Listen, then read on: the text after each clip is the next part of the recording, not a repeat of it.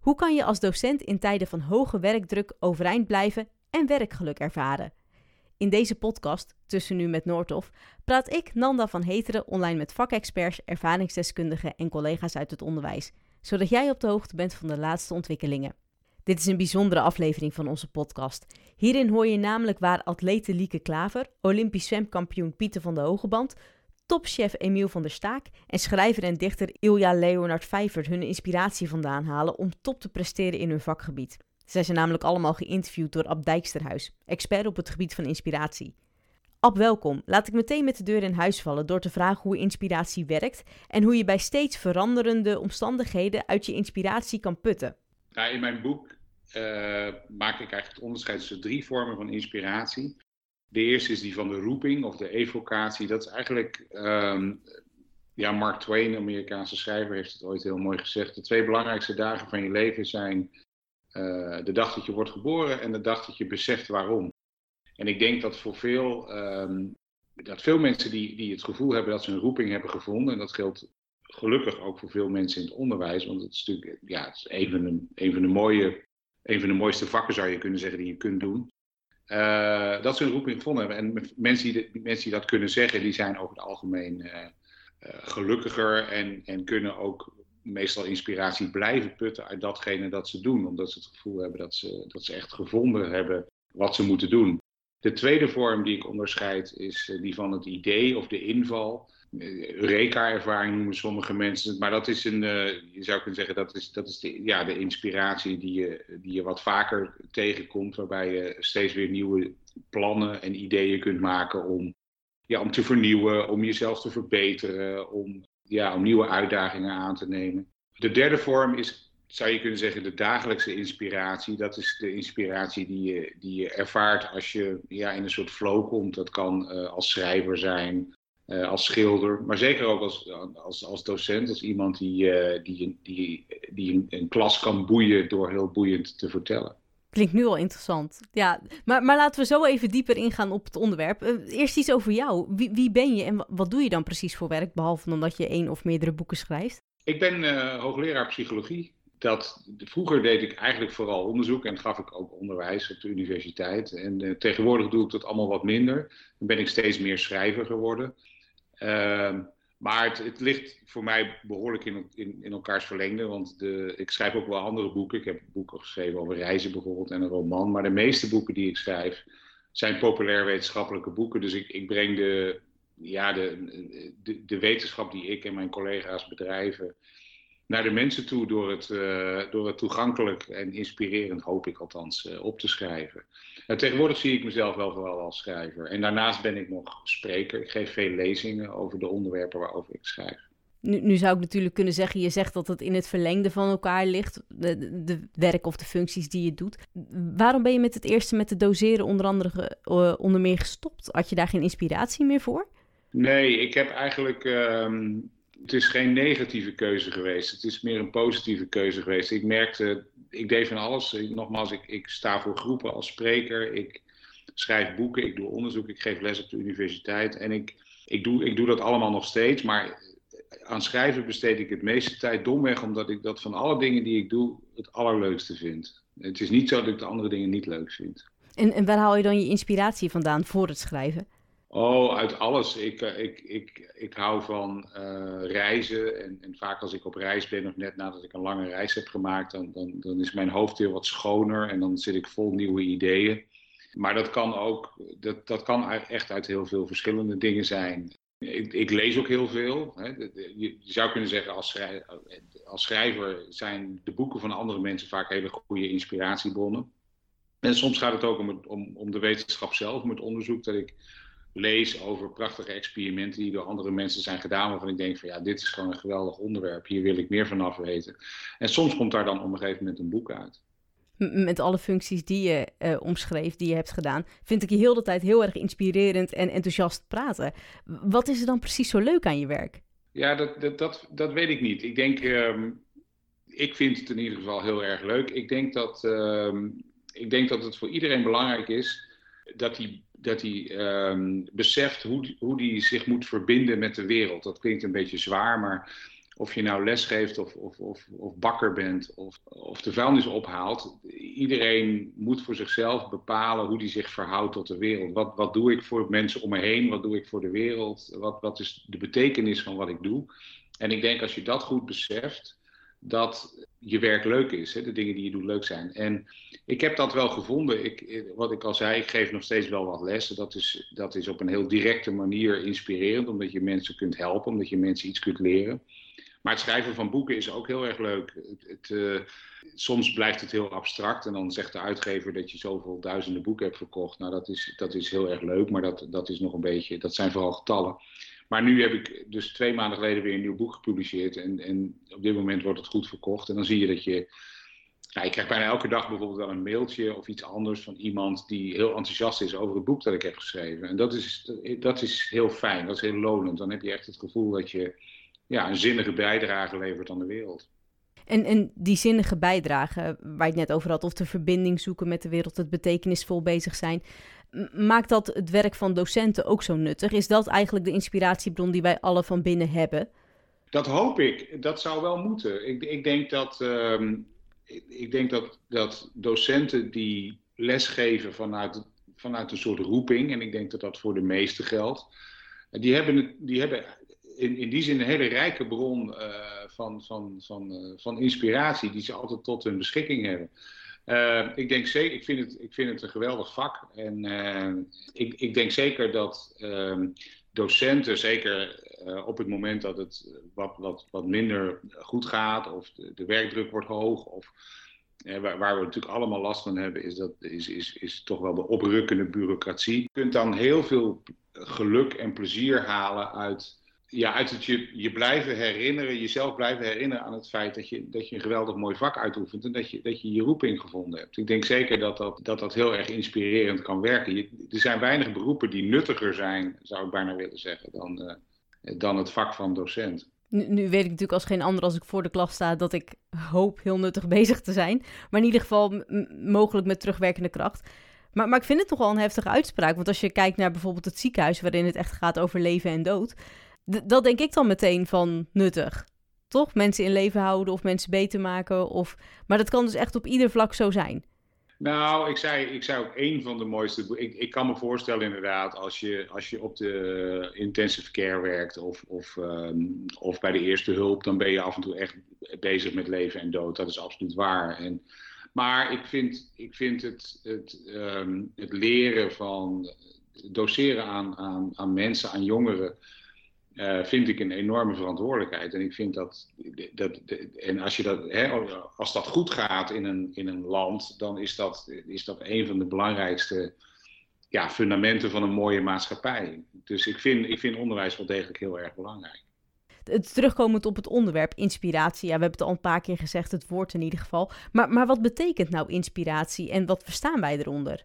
Inspiratie is, betekent letterlijk iets als, als inademing. Hè? Het, idee is dat je, dat je geest in één keer ja, iets, iets ingeblazen krijgt. Bijvoorbeeld een goed idee.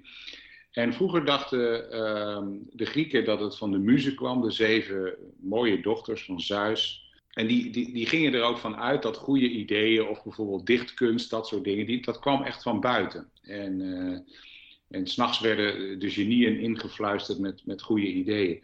Nou, in de middeleeuwen dachten we over het algemeen dat het, um, dat het ja, van God kwam. Een, een, moment, een, een, een, moment van inspiratie, dat, kan iets kleins en, en relatief onbeduidend zijn, maar het kan ook echt iets heel groots zijn. En dan zie je vaak dat, dat het bijna magisch is. En daarom dachten mensen vroeger dat het echt uh, van buiten kwam. Er zijn natuurlijk heel veel voorbeelden van, maar nou, neem J.K. Rowling, die in de trein zit tussen Manchester en Londen en, en ineens een idee krijgt voor een romancyclus over een tovenaarsleerling met, met, met plot en personages. En dat, ja, dat gebeurde in vrij korte tijd, een uurtje ongeveer. En toen had ze alles wel zo'n beetje klaarstaan. Nou, vervolgens moest ze natuurlijk nog 15 jaar schrijven voordat ze die Harry Potter reeks had geschreven. Maar dat is een heel extreem voorbeeld, maar dat voelt, dat voelt als, um, ja, alsof het echt van buiten komt. Het voelt als iets magisch. En uh, ja, het, het, inademen van iets wat, in de, wat al in de lucht hing, zou je kunnen zeggen. En daar komt de term eigenlijk letterlijk vandaan. Nou, ik zou in mijn, in mijn boek maak ik, maak ik eigenlijk um, onderscheid tussen drie vormen. En die hebben eigenlijk, wat overeenkomt bij al die drie, is dat het niet zozeer van buiten komt. Het komt uit je eigen onbewuste. Mensen verzamelen kennis, stellen zich open aan nieuwe prikkels. En dat gaat eigenlijk in, in ons brein sudderen. En dan kan er ineens iets naar boven komen. Ineens, na een tijdje sudderen, kan er in één keer een heel goed idee ontstaan. Uh, en, en bijvoorbeeld een schrijver die, die s'morgens weer achter zijn laptop gaat zitten, die, die heeft de avond ervoor en de nacht hè, heeft hij liggen broeden. Dat onbewuste heeft allerlei uh, kennis verwerkt, zodat hij s'morgens weer klaar is om opnieuw te beginnen en weer een paar uur te, te schrijven aan zijn, aan, zijn of haar boek. Dus het komt niet van buiten, het komt uit jezelf. Maar uh, ja, het, het, woord komt letterlijk uit de, uit de gedachte dat je, het, uh, dat je van buiten iets inademt. Maar ik begrijp dan wel dat je wel een soort van rust moet ervaren in je hoofd, zodat al die prikkels die mogelijk tot dat idee leiden, in één keer samenkomen ja. en dan is het er. Ja, zo is en je kunt het, uh, dat is denk ik ook wel een van de belangrijkste lessen van mijn boek. Is, het is, het is, niet, het is niet, je moet er niet passief op wachten. Je kunt, uh, je kunt inspiratie niet helemaal afdwingen, maar je kunt het wel als het ware tegemoet lopen of zelfs tegemoet rennen. En als je bijvoorbeeld kijkt naar goede ideeën of invallen, dan, dan zie je vaak dat, dat hè, bijvoorbeeld bij wetenschappers, dan zie je vaak dat er vaste stappen aan vooraf gaan. De ene, de, ten eerste moet je het ontzettend graag willen dus als je iets wil begrijpen, dan, dan, dan moet je dat, hoe, hoe, hoe meer je dat ook echt wilt begrijpen, hoe meer je brein en hoe groter het deel van je brein, als het ware de capaciteit van je brein, mee gaat werken in het, in, het, in het snappen van wat er gebeurt. De tweede is dat je gewoon domweg heel hard moet werken. En dat zie je ook aan kunstenaars en muzikanten. Daar zitten vaak ongelooflijk hoeveelheden uren in voordat ze iets bereiken. Het derde is dat je je brein uh, moet stimuleren. Dus je moet, wat ik al zei, je moet nieuwe prikkels verwerken. Je moet af en toe jezelf blootstellen aan nieuwe dingen. Het is geen toeval dat veel mensen, als ze een reis maken, op reis of net daarna, als ze net weer thuis zijn, vaak, vaak uh, extra inspiratie ervaren. En de vierde, is dat je, de vierde voorwaarde is dat je dat onbewust ook echt aan het werk moet zetten. Noemen psychologen incubatie. Dan, dan ben je bewust misschien met iets heel anders bezig, maar onbewust ben je als het ware aan het nadenken over datgene eh, dat je wilt eh, begrijpen als wetenschapper, of misschien een nieuw boek, als je graag een nieuw boek zou willen uh, schrijven. En dan heb je inderdaad ook nog de rust in je hoofd nodig op bepaalde momenten. Uh, om, uh, om er ook voor te zorgen dat die ideeën naar boven komen. En uh, het is ook geen wonder dat veel mensen die in creatieve beroepen werken, dan kun je denken aan schrijvers of componisten, maar ook wetenschappers, dat die heel veel wandelen. Wandelingen maken is een hele goede manier om je hoofd tot rust te krijgen en, en, en te zorgen dat je onbewuste, als het klaar is met het nadenken, de, de boel naar je bewustzijn kan sturen. Is via een wandeling jouw idee voor je boek, je nieuwste boek, Inspiratie, ook zo ontstaan? De, de Kiem was eigenlijk mijn allereerste boek, dat is al 15 jaar geleden geschreven. Dat heet Het Slimme Onbewuste. En, en daar vond ik het hoofdstuk over creativiteit eigenlijk het, het leukste hoofdstuk om te schrijven ja, stapsgewijs is, is een soort boek ontstaan. Het, het is inderdaad zo dat um, het, het, idee om, om het over inspiratie te doen, is tijdens een wandeling ontstaan door, door Quito, de hoofdstad van Ecuador. Ik, sowieso als ik schrijf, ik, nou niet alleen als ik schrijf, ik, ik wandel elke dag. Dus ook, ook bijvoorbeeld kleine dingetjes, dat kan van alles zijn. De, de, uh, de, eerste, de eerste alinea van een nieuw hoofdstuk bijvoorbeeld, die bedenk ik vaak tijdens een wandeling. En dan schrijf ik het thuis echt uit. Maar ja, voor mij is dat, ik, ik, doe dat bijna dagelijks en dat is voor mij heel belangrijk, ja.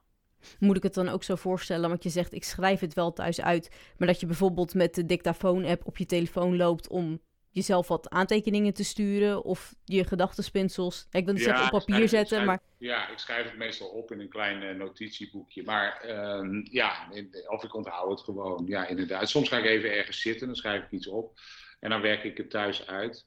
Maar ja, die, ja, zo gaat het ongeveer, klopt. En ik, ik ga ook, het hoeft niet per se met een wandeling te zijn. Ik kan ook bijvoorbeeld rustig in de trein zitten en een goed idee krijgen. Maar ik ga nooit meer ergens heen zonder, uh, zonder, zonder boekje. Hoewel dat eigenlijk niet meer hoeft, hè, want we hebben natuurlijk allemaal een smartphone tegenwoordig. Maar ik ben nog een beetje ouderwets.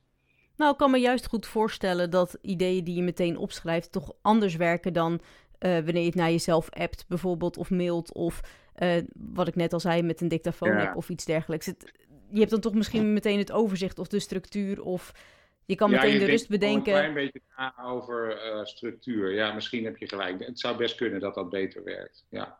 Voor, voor mij persoonlijk zou het in ieder geval beter werken, denk ik. Maar ja, ja dat is mijn ervaring dan met schrijven. Um, in hoeverre heb je voor het boek ook andere bronnen ter inspiratie gebruikt? Nou, heel veel. Ik, uh, het probleem met, uh, met het onderwerp inspiratie is dat het natuurlijk best een beetje een ongrijpbare term is. Hoewel ik hoop dat mensen die het boek gelezen hebben het wat minder ongrijpbaar vinden. Maar het is best een lastige term. En alleen al om die reden is het ook best moeilijk om er goed wetenschappelijk onderzoek uh, naar te doen. Het, het, tweede probleem is dat inspiratie ook moeilijk af te dwingen is in een onderzoekslaboratorium. Ik kan wel vragen aan beroemde schrijvers of ze een week lang in een scanner komen liggen. Om, om, maar dat, dat werkt, dat gaat natuurlijk niet gebeuren. Net zolang totdat ze een heel goed idee krijgen. Dus met andere woorden, er is best wel weinig uh, echt goed onderzoek gedaan. En als ik het vergelijk met eerdere boeken die ik geschreven heb, zoals Op naar Geluk of Slim Onbewust, dan kon ik veel meer gebruik maken van wetenschap. Dus bij dit boek heb ik heel veel, eigenlijk heel veel biografieën gelezen. En, en daar vooral mijn kennis uitgehaald. En uh, nou, ik heb ook nog mensen geïnterviewd die, die heel veel bereikt hebben. Maar ik heb verschillende dingen gedaan. Wetenschap, heel veel biografieën, een aantal interviews. Veel veldonderzoek dus. Ja, ja. Je zei het net al, je, je hebt verschillende mensen geïnterviewd. En uh, ook uit diverse branches. Uh, atlete Lieke Klaver bijvoorbeeld, Olympisch zwemkampioen Pieter van de Hogeband, topchef Emiel van der Staak en schrijver en dichter Ilja Lennart Vijver. Um, wat heb je van deze mensen geleerd? Nou, heel veel. Ik denk dat, um, het, ik, ik noemde net die, die, die stappen die eigenlijk bijna elke keer nodig zijn. Dus je moet, je moet een, als, je, als je iets wil bereiken. De ondertitel van het boek is hoe we tot grootste prestaties komen. Dat, je, dat het begint met een hele sterke motivatie, dan keihard werken, dan uh, jezelf steeds maar weer openstellen voor nieuwe, uh, nieuwe manieren om je doel te bereiken, nieuwe prikkels, nieuwe ervaringen. De, de, eigenlijk, je zou kunnen zeggen, de stappen die je moet nemen elke keer weer om geïnspireerd te raken. Ehm, die komen eigenlijk elke keer weer terug als je met mensen praat. En dan maakt het ook eigenlijk helemaal niet zoveel uit in welke, in, welke branche. Ik, ik, uh, ik vond het ook heel belangrijk voor mijn boek om al die dingen te kunnen vergelijken. Ik wilde geen boek schrijven over wetenschappers, ik wilde geen boek schrijven over kunstenaars, ik wilde geen boek schrijven over topchefs. Ik wilde een boek schrijven over, alle, over al die mensen. En ook nog Ehm, ja, mensen die wat minder beroemd zijn, maar die, die hè, kijk, iedereen heeft inspiratie nodig. Ik wilde ook schrijven over een, uh, een docent die nadenkt uh, in de, in, aan het eind van de zomer over een nieuwe eindexamenklas en hoe die je dit jaar gaat aanpakken. En, en ik wilde ook schrijven over um, een, een, uh, iemand die een, die een kledingwinkel heeft en, en zijn etalage opnieuw gaat inrichten en nadenkt over hoe die bijvoorbeeld een nieuwe segment van, van de klanten kan krijgen ik, ik, ik, hoop dat het gelukt is, maar, maar wat, wat, mij, wat mij in die interview steeds weer opviel, uh, is, dat het, is dat die processen uh, die ervoor hebben gezorgd dat zij zoveel bereikt hebben, dat die heel erg veel op elkaar lijken.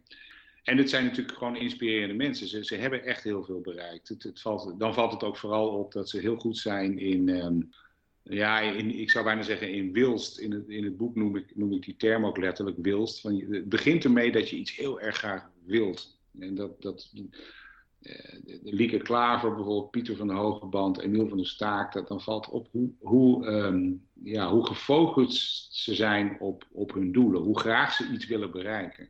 Dat, dat is heel mooi om te zien. Nu bedenk ik me dan ook, uh, terugkomend op het zwemmen, uh, dat Henry Koek, hij is bondscoach van de junioren bij de Koninklijke Nederlandse Zwembond.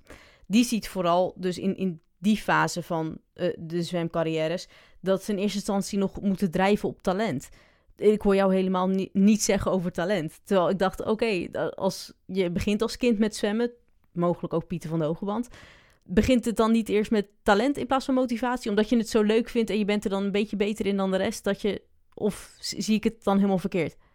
Nee, ik denk talent speelt wel een rol. Maar uh, en, zeker, er zit, ik, denk op, op jonge leeftijd uh, zou je kunnen zeggen, worden mensen vanzelf al een beetje uitgeselecteerd. Hè? Als jij, je zou heel plat gezegd, ik denk dat, dat bijna elke uh, Nederlandse jongen en misschien tegenwoordig ook meisje, die gelukkig voetballen die steeds meer, dat je, je bijna allemaal wel een leeftijd hebt waarop je even Johan Cruijff wilt zijn. Maar en natuurlijk heeft 99,9% van de mensheid meteen door dat dat er niet in zit. Maar als je, als je, als je bepaalde hoeveelheid talent heeft, hebt dan, dan, en je zit helemaal in bepaalde jeugdselecties, dan is, dan is motivatie uh, ontzettend belangrijk. En ja, het maakt ook wel, het maakt, dan zie je wel verschil natuurlijk tussen, uh, tussen bepaalde disciplines. Bij, bij sport heb je gewoon wel een, soort fysieke aanleg nodig.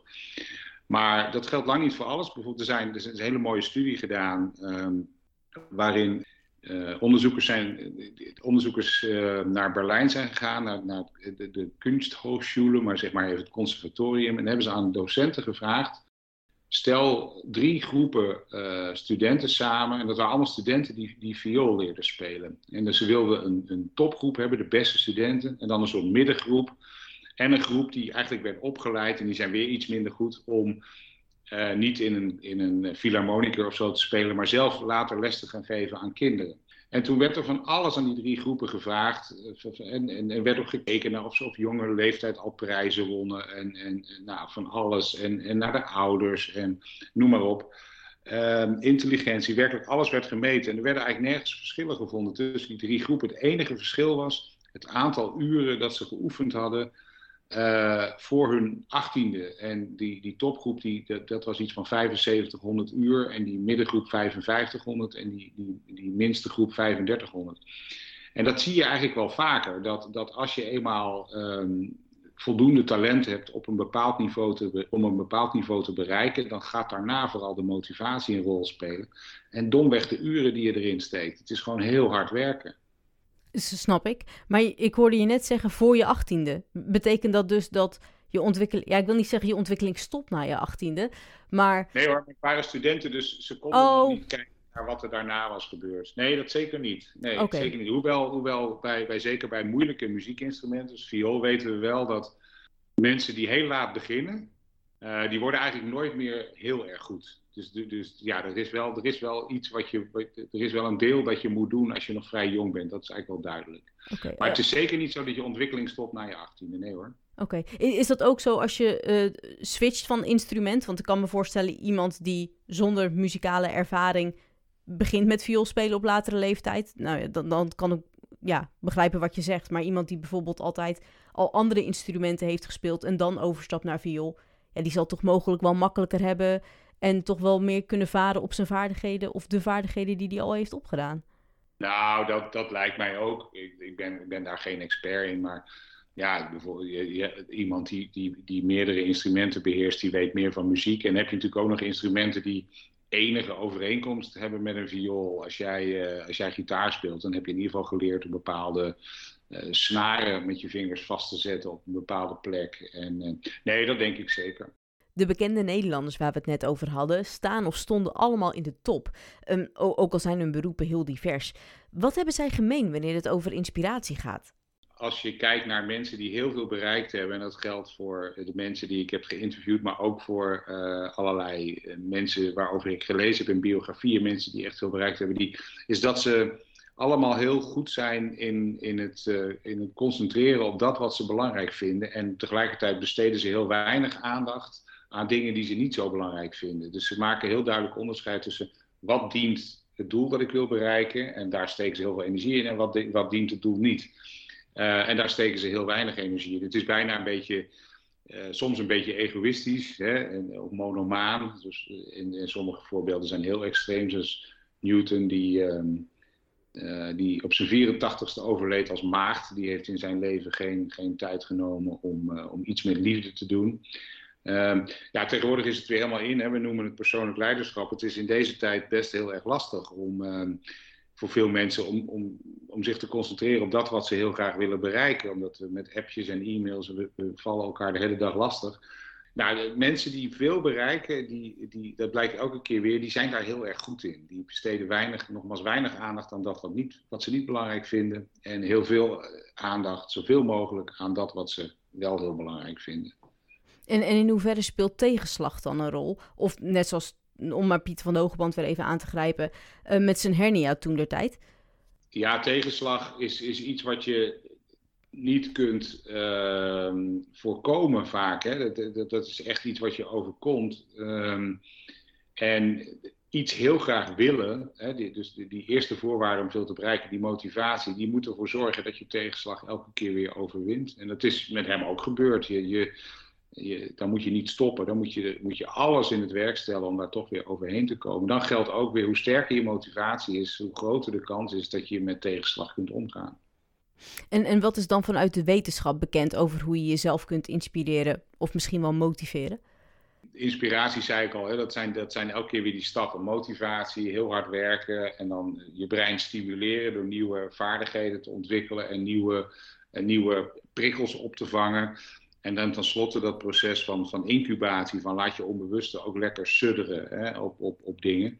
Maar motivatie zelf, wat, wat we daarvan weten, is, uh, is dat als je veel bereikt, dan moet je uh, grote doelen stellen. Hè, dus dat hele idee van je moet, uh, doelen moeten concreet zijn en haalbaar. Ja, dat, daar gaat het eigenlijk hier niet om. Het gaat om, als je, als je echt grote dingen wil bereiken, dan moet je juist ook echt hele grote doelen stellen. Die mogen best een beetje raar zijn. Hè? Je, moet Olympisch kampioen willen zijn of uh, het beste restaurant van de wereld willen hebben. En uh, dat is het eerste. Je doelen moeten groot zijn. Je doelen moeten heel sterk zijn. Je moet het domweg ontzettend graag willen.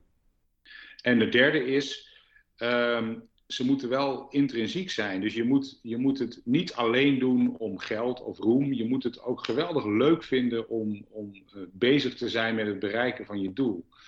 Uh, anders hou je het niet eeuwig vol. Dan kun je het wel een tijdje volhouden, maar niet, niet heel erg lang. Dus daar moet motivatie aan voldoen. En grote doelen stellen, ja, nogmaals, juist, juist die hele grote doelen zijn mooi. Emiel van der Staak van de Nieuwe Winkel zei het heel mooi. Van, we moeten hele grote doelen stellen en onderweg lekker genieten van ons eigen geploeten. Oh, dat vind ik inderdaad een hele mooie uitspraak. Ja, ja beter kan ik het niet samenvatten. Ja. Nu lijkt er de laatste tijd wel veel meer aandacht te zijn voor werkgeluk en voor het kiezen wat, wat bij je past.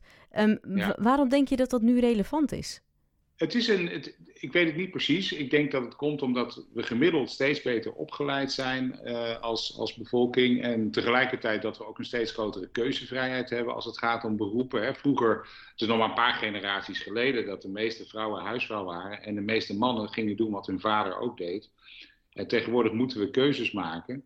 Ik denk dat het voor een deel daardoor komt. Vroeger, vroeger werd werk ook echt anders gezien. Hè. Werk was. was um, dat wat je deed tussen het geluk door. Je zou kunnen zeggen, je privéleven, dat was voor het geluk. En werk, nou ja, dat, dat deed je om geld binnen te halen. En geld had je weer nodig om boodschappen te... Nou, dat is al lang niet meer zo. Wij willen, wij willen uh, ook in ons werk gelukkig zijn. Sterker nog, werkgeluk hangt heel erg samen met algemeen geluk. Wij willen ook een, een, een aanzienlijk deel van ons geluk halen uit het werk uh, wat we doen. En dat is ook, dat is ook goed. Uh, de meeste mensen zijn daar 30 30 of meer uur per week mee bezig. En dat is best veel. Het is natuurlijk een beetje jammer om te zeggen, nou, in, in die tijd hoef ik niet gelukkig te zijn, dat doe ik thuis wel. We, we, zien met z'n allen in dat, dat werk en een carrière een, een, hele grote bijdrage kan leveren aan geluk. En dat, dat als je de juiste keuzes maakt en de dingen doet die bij je past, dat je er ook gewoon echt ontzettend veel geluk uh, uit kunt halen. Ik moet wel zeggen, het is ook wel. Het gaat soms bijna een beetje te ver. Je ziet nou, ik zie wel veel jongeren om me heen die de lat wel erg hoog leggen. Die eigenlijk zeggen, nou als ik uh, van de 32 uur in de week die ik werk, als ik twee of drie uur iets moet doen wat ik eigenlijk niet zo leuk vind, dan zit ik niet op mijn plek. Dan moet ik misschien toch iets anders zoeken. Dat, dat is ook weer niet helemaal de bedoeling, denk ik. Ik moet ook niet doorslaan. Uh, maar op, op, zich vind ik het heel goed dat er meer uh, aandacht is voor, voor werkgeluk. Het is, het, is, het is een heel belangrijk aspect van ons leven en het zou zonde zijn als we dat alleen maar zien als iets waarbij je geld moet verdienen. Hè? Het, het, geluk is echt een, eh, een groot goed. Snap ik, maar geluk vind ik ook best wel een, een lastige term. Want ja, geluk is natuurlijk niet een permanente staat van zijn. Uh, waarbij je het terecht zegt over die twee of drie uur van de dertig.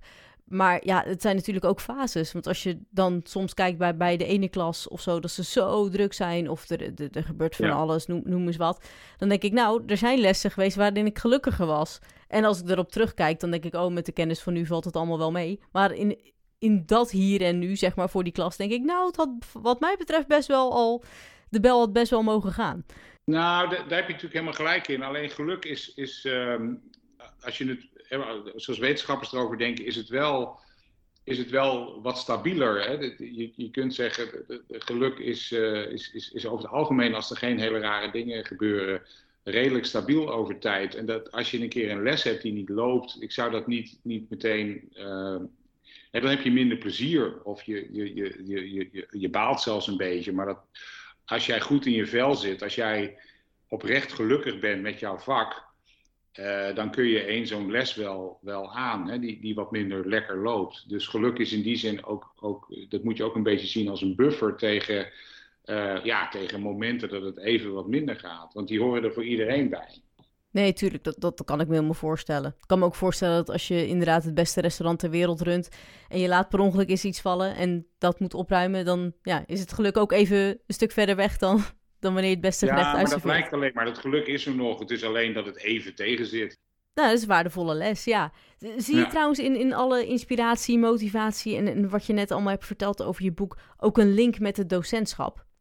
Nou, zeker. Ik, ik denk, um, ik, ik, denk eigenlijk twee hele belangrijke dingen. Eén uh, is dat, dat uh, ik zei al, dat veel docenten doen het vanuit een, uh, een gevoel van een roeping. Uh, ik, ik, ik, ik heb wel aardig wat docenten in mijn omgeving. Ja, ik, ben, ik doseer natuurlijk zelf aan de universiteit, maar dat is maar een paar uur in de week. Voor mij is doseren niet het belangrijkste. Maar ik heb wel mensen in mijn omgeving voor wie dat wel is. En die, die, die zien dat echt als een, um, uh, als een roeping. Hè? En dat is, ja, ik zeg al, dat is de, eigenlijk de belangrijkste vorm van inspiratie. Dat je hebt geleerd wat jij met je leven moet doen. En mensen die dat hebben geleerd, die dat doen, en dat geldt dus voor veel docenten, die zijn over het algemeen ook gelukkiger. Hè? Dus dat is een belangrijke link. Er zijn ook heel veel mensen in onze maatschappij, vooral jongeren, die nog aan het zoeken zijn, die gewoon niet precies weten wat ze willen. Dus dat is, ik denk dat dat heel belangrijk is. En um, de belangrijkste, dat blijkt ook uit onderzoek, de belangrijkste voorspeller van werkgeluk is um, dat gevoel, daar hebben we het eerder over gehad, dat je een betekenisvol beroep uitoefent. Dat je, dat, je een, dat, je, dat je nuttig bent, dat je het gevoel hebt dat je een bijdrage levert aan de wereld. Um, en dat is voor sommige beroepen een stuk lastiger dan voor anderen. En ik denk dat docenten daarin uh, ja, zichzelf gelukkig moeten prijzen. Dat ze, ja, dat ze gewoon echt iets heel nuttigs doen, echt iets heel goeds doen. Nu heb je het misschien al deels verteld, hoor, maar, maar deze podcast eindigt altijd met, met tips. Uh, heb je dan ook drie tips voor docenten hoe zij inspiratie kunnen vasthouden in de tijd die ze hadden van ik kies nu bewust voor docentschap? Nou, een van de, een, dat klinkt een beetje cheesy, maar een van de, van de dingen die, waarvan wij weten dat ze een bijdrage leveren aan geluk, en ik, ik durf te, ik, ik, durf te beweren dat, dat zo'n beetje elke geluksonderzoeker op de universiteit dat sowieso doet, is dat je elke avond even uh, tijd neemt, uh, vijf of tien minuten, om na te denken over de dag die achter je ligt. En, en, drie dingen op te schrijven die goed gingen. Dat kunnen dingen zijn waar je tegenop zag, maar die eigenlijk meevielen. Dingen waar je trots op bent, dingen waar je dankbaar voor bent. En als docent zou je, zou je ik denk dat dat heel belangrijk is. Dat zeg ik ook wel eens tegen anderen, maar zeker ook voor docenten. Van probeer jezelf af en toe weer even heel bewust te maken van het feit dat je, dat je uh, een van de meest nuttige en mooie beroepen van de wereld hebt. Hè? Je bent, bent, bent, jonge mensen aan het opleiden, aan het helpen, aan het, aan het, aan het volwassen maken. En ik denk dat als je, als je je dat voor blijft houden, dat je uh, echt gelukkiger bent in je werk. Ik zie dat ook om me heen. Een van mijn beste vrienden is hoogleraar, of leraar op HAVO, VWO, de, de, de hogere klassen. En die, uh, die is daar heel bewust mee bezig. En die heeft, ik kan me ook herinneren dat hij in de lockdown op een gegeven moment, dat hij, dat hij met elke leerling toch even een half uur één op één wilde gaan zitten. Ja, achter de, achter de, achter de laptop natuurlijk, moet allemaal via Zoom. Maar die is, die is daar zo bewust mee bezig dat hij een, bij, dat hij een positieve bijdrage levert aan het, aan het leven van, uh, weet ik, 80, 100, 120 jongeren. Als je, als je dat doet, als je je daar heel bewust van bent, als je daar actief mee bezig bent, dan, dan uh, denk ik dat je, het, uh, dat je er heel gelukkig van wordt. En ook dat je, dat je het uh, ook in tijden dat het even wat minder gaat, dat je het veel beter volhoudt. En dan heb je dan ook nog drie andere tips die docenten meteen vandaag kunnen inzetten in hun onderwijspraktijk om die inspiratie vast te houden. Waarbij ze misschien niet die half uur per leerling de tijd hebben, maar Nee, kijk, dat is, dat is uh, wat ik zei. Nou ja, wat ik, het voorbeeld dat ik net gaf, dat kun je meteen toepassen. Um, nee, ik ben, ik ben te weinig uh, docent om hele concrete docenttips te geven of zo. Dat, dat, uh, daar, daarvoor sta ik ehm, zelf nog te weinig voor de klas. Bovendien, het onderwijs dat ik nu nog geef, dat is voornamelijk aan, um, Ja, dan volwassenen, echt. En dan bedoel ik niet 19 of 20, maar gewoon mensen van onze leeftijd. Dus dat, dat kun je ook niet zomaar vergelijken. Nee, daar ben ik te weinig docent voor om dat zomaar even op te labelen. Maar eh, wat je net zei, hè, vijf of tien minuten om de dag door te nemen en op te schrijven waar je dankbaar voor bent. Ja, dat kan natuurlijk net voordat je naar bed gaat gedurende de hele dag. Maar dat kan natuurlijk ook net voordat je je werkdag afsluit als docent. Dat kan, zeker. Ja. Leuk. In, in ieder geval bedankt, want onder, uh, ik heb er veel van geleerd. Het was een heel interessant gesprek. Dank je wel daarvoor. Dank je wel. Vind je deze podcast nou leuk? Rate hem dan, zodat andere mensen hem ook vinden.